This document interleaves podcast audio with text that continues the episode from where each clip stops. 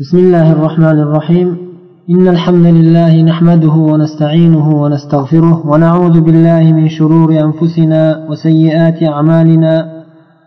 من يهده الله فلا مضل له ومن يضلل فلا هادي له وأشهد أن لا إله إلا الله وحده لا شريك له وأشهد أن محمدا عبده ورسوله صلى الله عليه وعلى آله وصحبه وسلم تسليما كثيرا. أما بعد assalomu alaykum va rahmatullohi va barakatuh.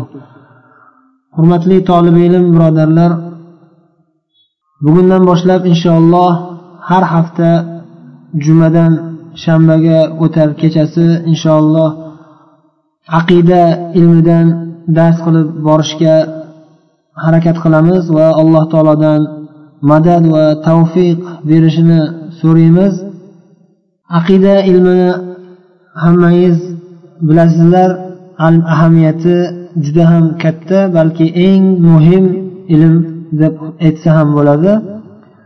Chunki aqida ilmisiz inson bu dunyoda ham oxiratda ham baxtli bo'lolmaydi aqida e'tiqodi sog'lom bo'lmasa sahih e, to'g'ri e'tiqod bilan alloh taologa ibodat qilib yashamasa bu dunyoda ham oxiratda ham baxtsiz bo'lib qoladi. Olloh asrasin. Shuning uchun avvalambor o'zimizdan ziyonkorlikni daf etish uchun albatta aqida ilmini o'rganib to'g'ri e'tiqodda alloh taologa ibodat qilib yashashimiz kerak. Va ikkinchidan aqida ilmini o'rganib sog'lom e'tiqod bilan alloh taologa bandachilik qilib yashaydigan bo'lsak ikki olam baxtu saodatiga muvaffaq bo'lamiz alloh taolo o'zi shunga va'da bergan الذين آمنوا ولم يلبسوا إيمانهم بظلم أولئك لهم الأمن وهم مهتدون deb alloh taolo qur'oni karimda xabar berib qo'ygan iymon keltirgan zotlar va mana shu iymonlariga hech qanday bir zulmni aralashtirib qo'ymagan zotlar ana shular uchun tinchlik xotirjamlik bo'ladi va hum muhtadun va ular to'g'ri hidoyatli e, insondirlar. Hidoyatlangan zotdirlar deb olloh maqtagan. Ulamolar tafsirida aytishadiki alloh taologa bo'lgan iymon sog'lom iymon bilan sog'lom e'tiqod bilan bo'lgan iymon e, albatta ilmga asoslanadi ilmga bino bo'ladi. Ilm esa qur'on hadisda haqiqiy ilm. Ana shu qur'onu hadisdan olingan e'tiqod ilmini o'rganib shunga amal qilsa inson ana shunda iymonli bo'ladi. Alloh taologa iymon keltirgan bo'ladi.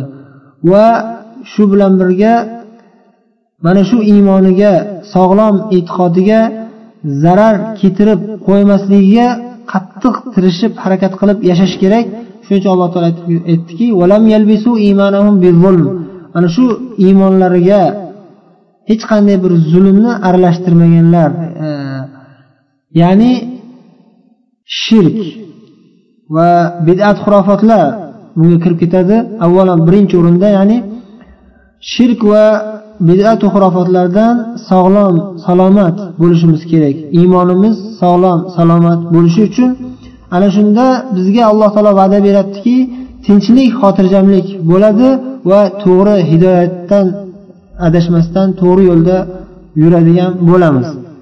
Tinchlik xotirjamlik deganda alloh taolo mutlaq umumiy suratda aytdi. Ya'ni bunda bundan tushunamizki bu dunyoda ham va oxiratda ham tinch xotirjam bo'lamiz. Butun insoniyat tinchlik xotirjamlikni qidirib izlab shuning uchun peshona terlarini to'kib yashashyapti. Ammo lekin aksariyatlari to'g'ri yo'ldan yurmasdan tinchlikka erishisholmayapti notinch iztirob e, qalbi baxtsizlik holatda yashashyapti. Olloh asrasin ana shunday odamlardan bo'lib qolishdan. Alloh taolo barchalarimizni haqiqiy tinchlik xotirjamlik haqiqiy baxtu saodatda yashaydigan bandalardan qilsin. Va ana shuning eng asosiy yo'li eng eng asosiy omili mana shu e'tiqodimiz iymonimiz sog'lom bo'lishligi. Va shu bilan birga inshaalloh tinchlik xotirjamlikka erishishimiz bilan birga to'g'ri hidoyatli bo'lib to'g'ri yo'ldan yuramiz. Bu to'g'ri yo'l qayoqqa bizni olib boradi? Bizni bu to'g'ri yo'l qayoqqa olib boradi? To'g'ri yo'l inshaalloh jannatga olib boradi. Alloh taolo alloh haqiqiy to'g'ri yo'ldan yuradigan hidoyatli bandalardan qilsin.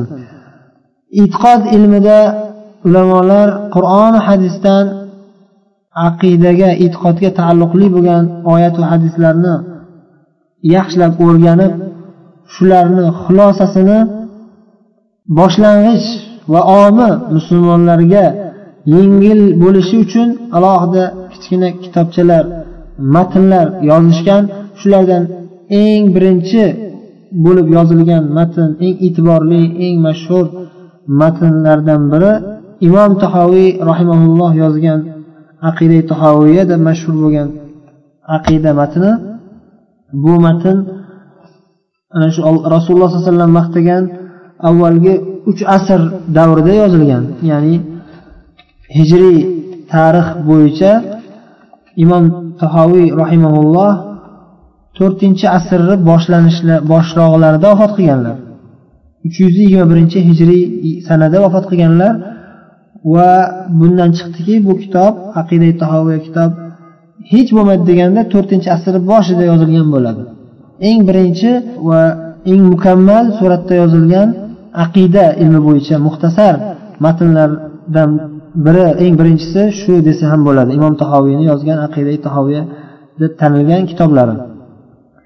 Bu kitobni ko'p ulamolar sharhlashgan qadim qadim e, davrlardan boshlab e, bu kitobga sharhlar yozib kelingan eng mashhur va eng e, mukammal suratda sharhlangan sharh imom ibn abil izzil hanafiy rahimaulloh yozgan va sharh aqida tahoviya aqida tahoviyani sharhi deb tanilgan kitob.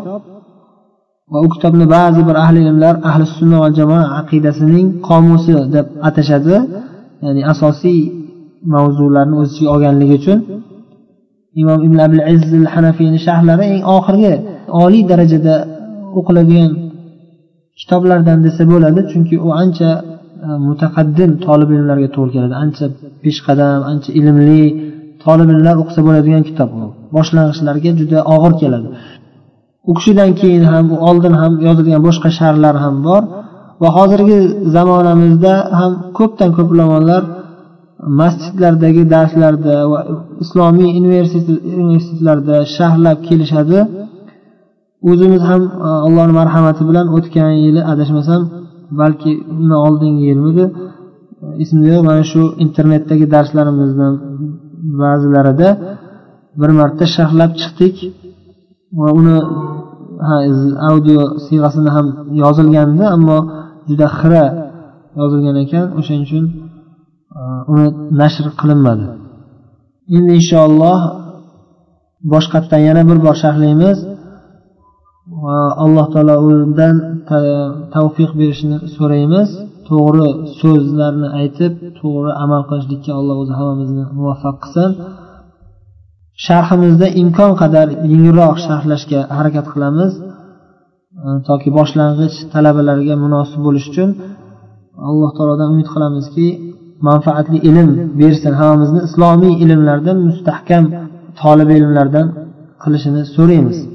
Men o'zim ham boshlang'ich tolib ilm bo'lganligim uchun bu sharhda albatta kamchiliklar bo'lishi mumkin. Alloh taolo o'zi ana shu kamchiliklarimizni tuzatib insoniy kamolotga yetkazishligini allohdan so'rab qolamiz.